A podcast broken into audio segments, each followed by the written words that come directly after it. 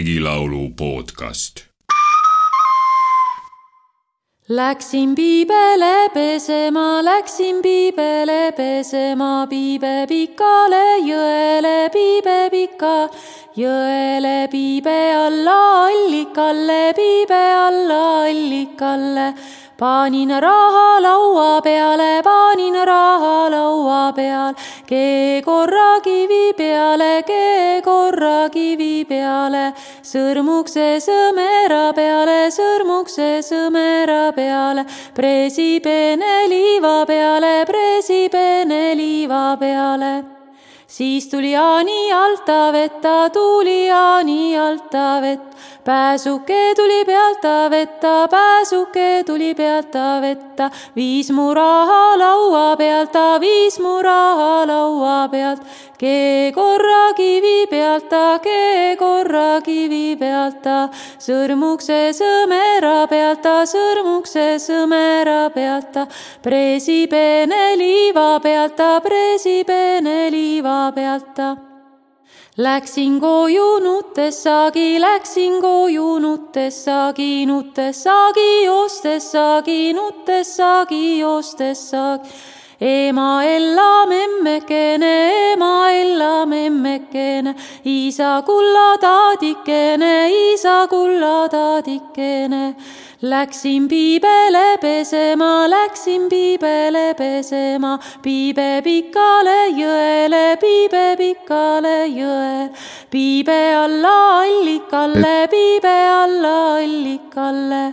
Panin raha laua peale, panin raha laua peal, kee korra kivi peale, kee korra kivi peale, sõrmukse sõmera peale, sõrmukse sõmera peale. Presipeene liiva peale, presipeene liiva peale. Siis tuli Jaani alta vetta, tuli Jaani alta vetta, pääsuke tuli pealt ta vetta, pääsuke tuli pealt ta vett viis mu raha laua pealt, ta viis mu raha laua pealt, kee korra kivi pealt ta, kee korra kivi pealt. Ta, sõrmukse sõmera pealt ta, sõrmukse sõmera pealt. Ta, presipeene liiva pealt ta, presipeene liiva pealt ära ka nuta, tütar noori, ära nuta, tütar noori, las tuleb kaubamees külasse, tuleb kauba külasse, poepoiss tuleb ukse alla, poepoiss tuleb ukse alla. siis panen sõrmed sõrmustesse, panen sõrmed sõrmustesse, varvad vaskirõngastesse, varvad vaskirõngastesse. me kuulsime vana-vana laulu Ehted kadunud. eeslauljaks oli Meelika Hainsoo, kes on šnitti võtnud Peetri kihelkonna laulikult Liisa Rentelilt.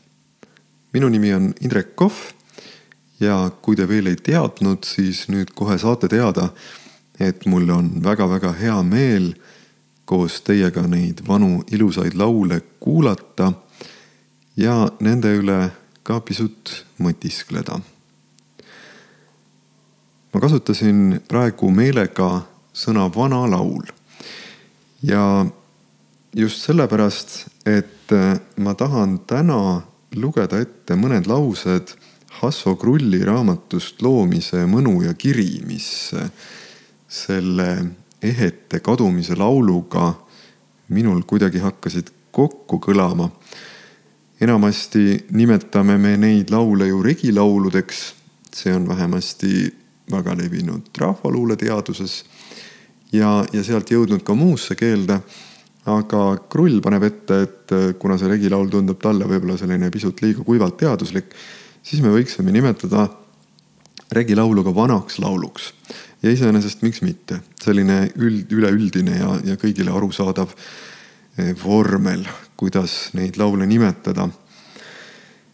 Äh, mida ta ütleb oma raamatus Loomise mõnu ja kiri, see võib-olla ei pruugi üdini meeldida neile, kes on väga üksipulgi kursis rahvaluule teadusega, kes viljelevadki seda kui teadust.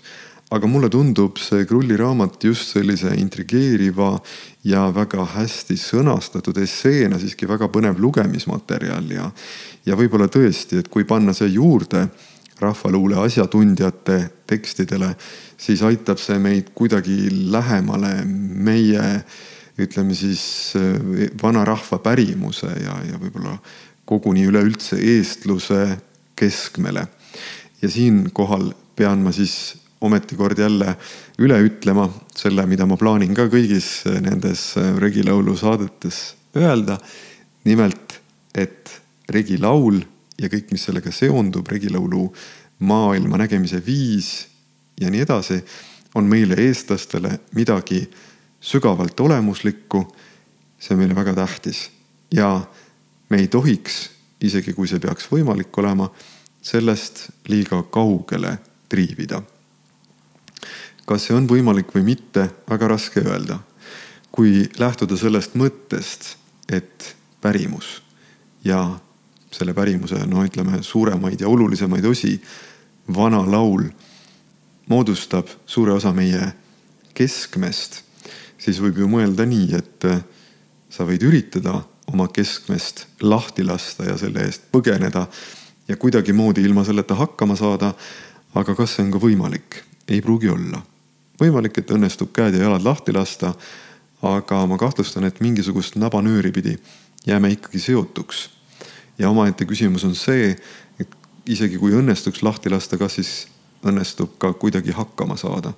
minul on tunne, et kui vundament jalge alt ära tõmmata, siis me hulbime edasi nii, et isegi aru ei saa, mis meiega toimub. nii et kui vähegi võimalik, siis tegeleme mingil määral ka ikkagi oma, oma rahva pärimusega edasi, üritame seda natukenegi tunda ja, ja sellest rõõmu tunda. aga nüüd natukeseks tagasi Krulli essee juurde. ta ütleb, et vana laul on kogu meie muistse kosmose rituaalne telg ja miks mitte, võib-olla tõesti. ja ütleb ka, et vana laulu vorm on lihtsamalt öeldes kosmose enesevorm see on loodud maailma vorm ja iga rituaalne laulmine toob meid kosmoloogilises mõttes kõigi asjade algusse tagasi. Niimoodi on ju väga ilus mõelda, isegi kui nendesse sõnadesse väga sügavale sisse ei lähe. kui mõeldagi nii, et me võtame mõne oma vana laulu ja iga kord seda lauldes tekitame mingisuguse niisuguse rituaalse keskkonna, siis seda tehes me läheme tagasi kõigi asjade algusesse. eks ole, ilus mõte ja, ja mingis mõttes võib-olla see tõesti nii ongi. Krull toob siin ka veel paralleeli sellega, et, et meie silma jaoks kõige suurema öise taevakeha ehk kuu perioodilist kadumist ja taasilmumist nimetatakse kuu loomiseks ja, ja kõrvutab siin laulu loomist ja, ja kuu loomist, et äh, laulu luues tuleme alati tagasi millegi ürgsa juurde. ja ühtlasi jõuab ta ka selle juurde, rääkides regilaulu ehk siis tema järgi vanalaulu vormist, et selle juurde kuulub algriim ja ütleb, et ühest küljest on see oluline mälutehnika, jah, kindlasti.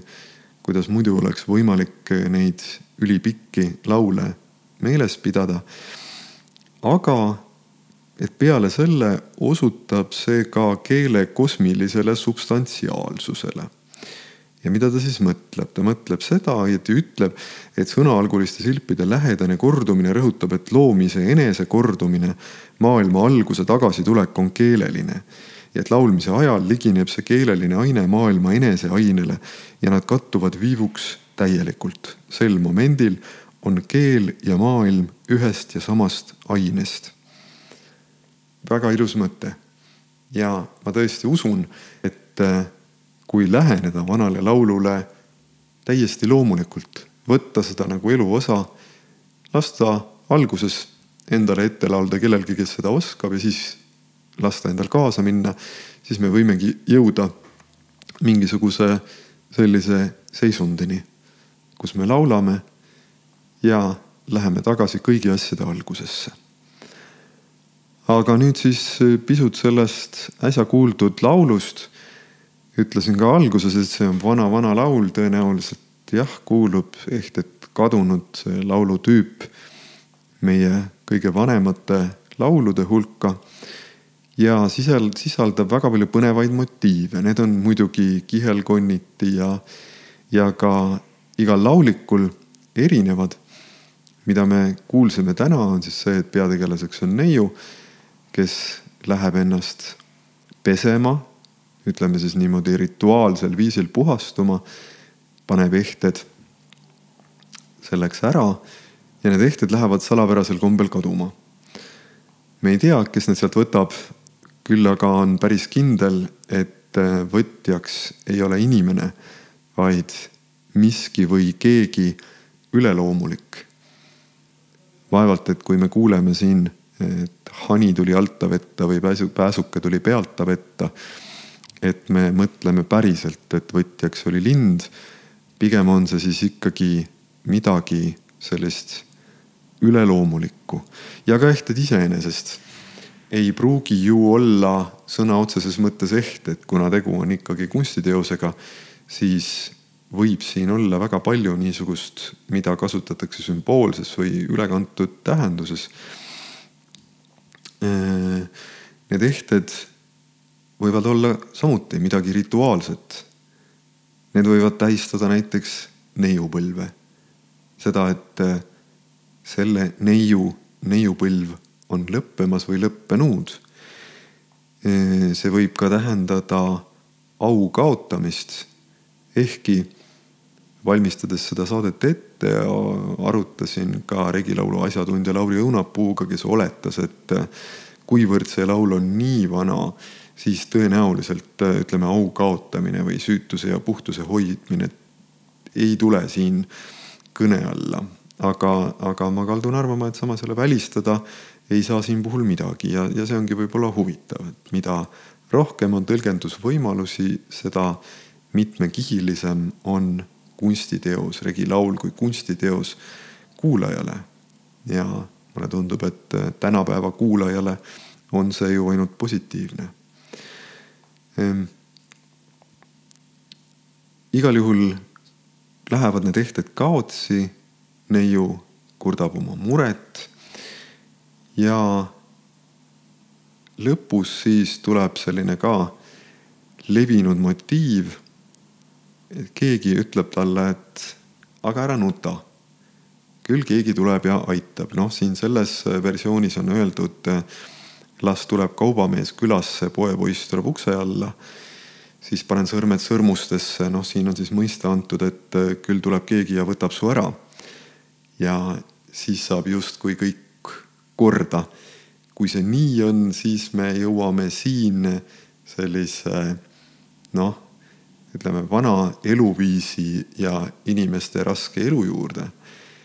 et kuidas saab noor naisterahvas äh, päästetud, on ikka see, et keegi tuleb ja võtab ta ära, eks see oli ju paljudes äh, peredes äh, tütarde puhul suur mure, et kuidas neist nii-öelda lahti saada, eks ole.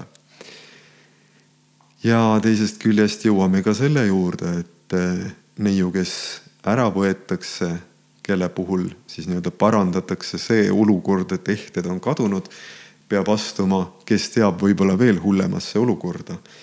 See neiupõlve kodust lahkumine, mehe perre elama minek oli ju ka alati väga suur samm. selle juures lauldi itkusid, lauldi leinalaule, see oli mingis mõttes nagu surm. inimene lahkub harjunud keskkonnast ja siseneb täiesti võõrasse keskkonda, võõraste inimeste juurde, kus üks käsi ei ole oma, ta peab juba pulmakombestiku järgi kõigest senisest loobuma ja minema kohta, kus ta peab tegema nii, nagu ütleb keegi teine. et jälle üks selline suur pööre, kui me siin nüüd hakkame mõtlema nii kaugele edasi aga kui jääda puhtalt äh, laulu teksti juurde, siis on siin veel üks väga huvitav noh, ütleme paralleel või väga huvitav element. see on just see, et äh, neiu läheb pesema, see toimub vee ääres. see on siin on öeldud äh, piibe pikal jõel või siis piibe all allikal. kui nüüd võtta nii, et see on jõgi, siis äh, jõgi kui niisugune on ju alati ühendanud meid teispoolsusega ja mitte ainult äh, Eesti rahvaluules, vaid ka laiemalt. mõelgem siin kasvõi näiteks Kreeka või Rooma peale, aga neid rahvaid, kelle juures jõgi on kõige olulisemate üleminekute või juures oluline element või selline element, mis võimaldab neid kõige olulisemaid üleminekuid, siis saame siin veel ühe niisuguse väga-väga tähtsa mõtte juurde. ja taaskord oleme jõudnud oma, oma mõtetega sinnamaale, et see laul võib tunduda mingis mõttes lihtne kui lugeda seda üks-ühele, aga ilmselge on ka see, et lauluteksti ei saa lugeda üks-ühele. see pakub väga-väga palju erinevaid tõlgendamisvõimalusi ja just sellisena on meie ees jälle üks suurepärane kunstiteos. sest mis on oluline kunstiteose juures, see on saladus.